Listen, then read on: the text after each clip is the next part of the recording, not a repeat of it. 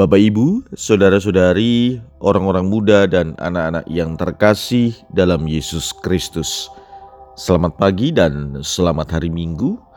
Salam bahagia dan salam seroja untuk kita semua berkah dalam.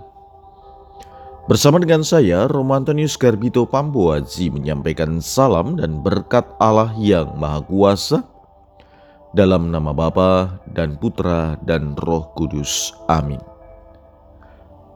Marilah kita berdoa. Allah Bapa yang Maha Kudus dalam sakramen Ekaristi yang luhur, Putramu mewariskan kepada kami kenangan mulia akan wafat dan kebangkitannya.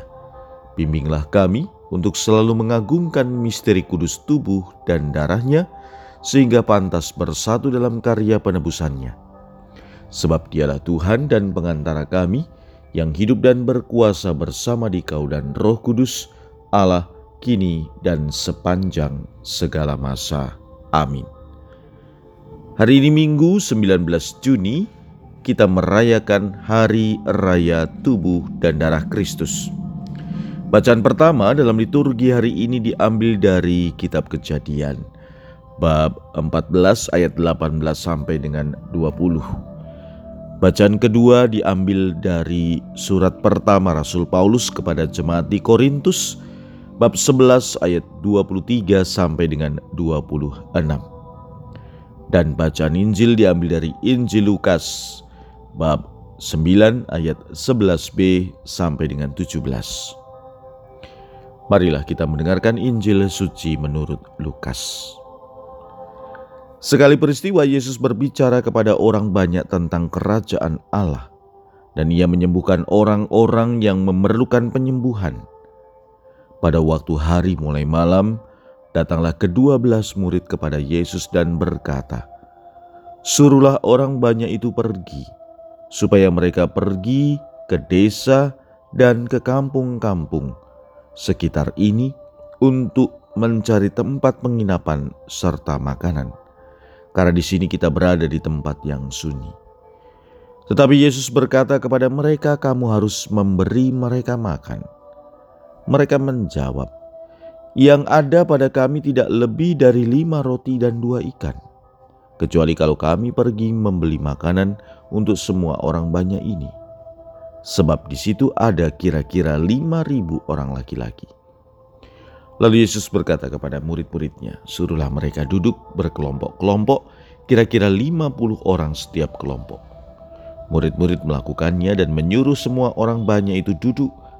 Yesus mengambil lima roti dan dua ikan itu lalu menengadah ke langit dan mengucap berkat kemudian membagi-bagi roti itu dan memberikannya kepada para murid, supaya dibagi-bagikan kepada orang banyak dan mereka semua makan sampai kenyang. Kemudian dikumpulkanlah potongan-potongan roti yang sisa sebanyak dua belas bakul. Demikianlah sabda Tuhan. Terpujilah Kristus. Saudara-saudari yang terkasih, hari ini kita merayakan Hari Raya Tubuh dan Darah Kristus. Di beberapa tempat di paroki-paroki diadakan upacara penerimaan sakramen komuni pertama. Untuk itu selamat kepada adik-adik yang menerima sakramen komuni pertama pada hari ini. Semoga kalian sungguh menyadari bahwa apa yang kalian sambut adalah sungguh tubuh dan darah Kristus.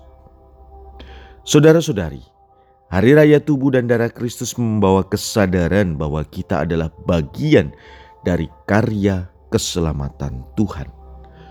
Tubuh dan darah Kristus yang kita terima dalam Ekaristi mengingatkan kita akan cinta Tuhan yang besar karena cinta, Yesus mati agar kita selamat. Setelah kita diselamatkan, kemudian kita hendak apa? Saudara-saudari yang terkasih, sabda Tuhan hari ini mengantar kita untuk membawa pada permenungan tubuh dan darah Kristus. Dalam bacaan pertama, menampilkan sosok Melkisedek Raja Salem dan sekaligus Imam Allah yang Maha Tinggi. Sebagai Imam Agung ia membawa anggur dan roti lalu memberkati Abraham yang baru kembali dari peperangan melawan beberapa raja dan menang. Kalau kita merenungkan atau ketika imam membacakan doa syukur agung pertama kanon Romawi, nama Melkisedek disebut. Sudilah memandang persembahan ini seperti engkau berkenan menerima kurban suci dan tak bernoda yang dipersembahkan kepadamu oleh Melkisedek, Imam Agung. Dalam bacaan kedua, menuturkan penetapan perjamuan Tuhan, Paulus menegaskan bahwa tradisi perayaan Ekaristi yang ia wariskan ini ia terima dari Tuhan. Ayat-ayat ini sekarang selalu kita dengar dalam kisah institusi doa syukur aku. Paulus juga menegaskan bahwa setiap kali kita merayakan Ekaristi, kita sedang merayakan atau mewartakan wafat Tuhan sampai Ia datang. Dengan ini, Paulus menampilkan dimensi eskatologis keselamatan dari Ekaristi. Sementara dalam bacaan Injil dikisahkan bagaimana Yesus mengajarkan kepada para murid untuk memberi makan.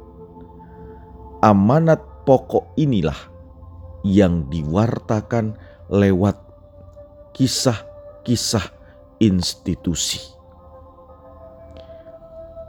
Kisahnya dinyatakan di dalam Injil bahwa waktu itu hari sudah mulai malam.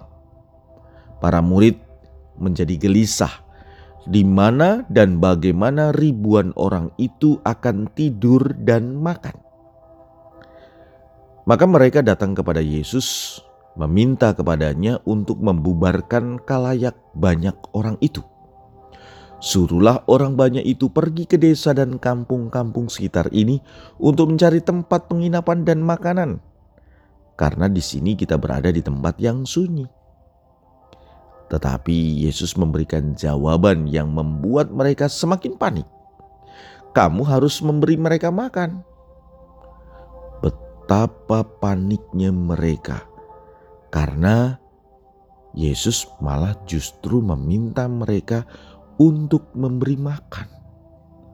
Ada ribuan orang, sementara mereka tidak membawa bekal cukup. Yang ada pada kami tidak lebih dari lima roti dan dua ikan. Kecuali kalau kami pergi membeli makanan untuk semua orang banyak itu. Yesus selalu mempunyai solusi. Ia mengatakan, "Suruhlah mereka duduk berkelompok-kelompok kira-kira 50 orang sekelompok.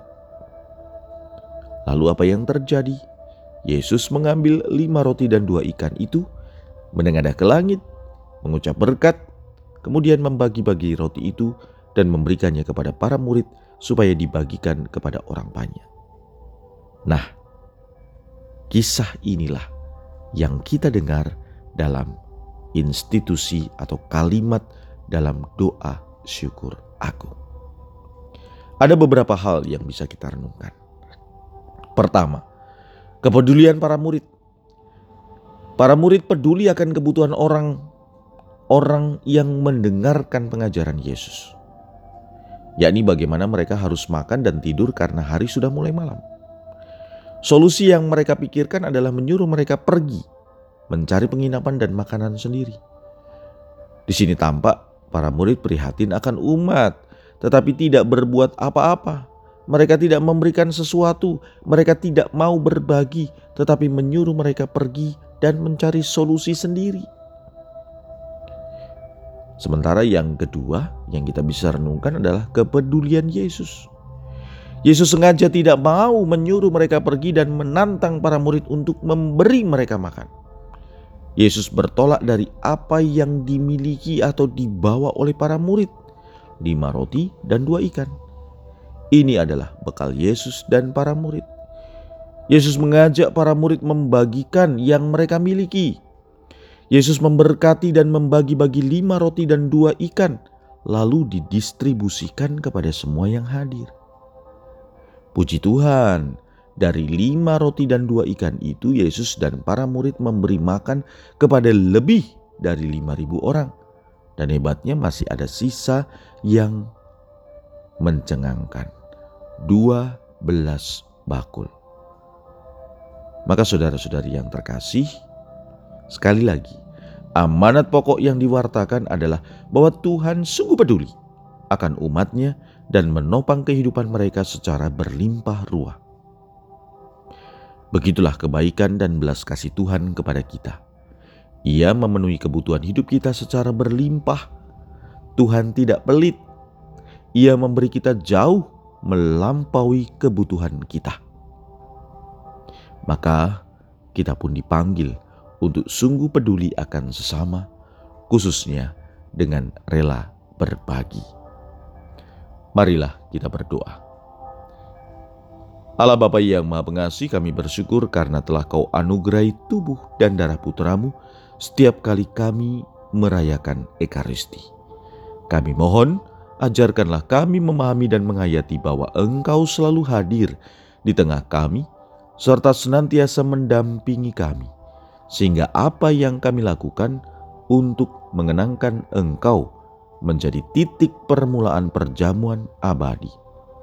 Demi Kristus Tuhan kami. Berkat Allah yang Maha Kuasa, dalam nama Bapa dan Putra dan Roh Kudus. Amin.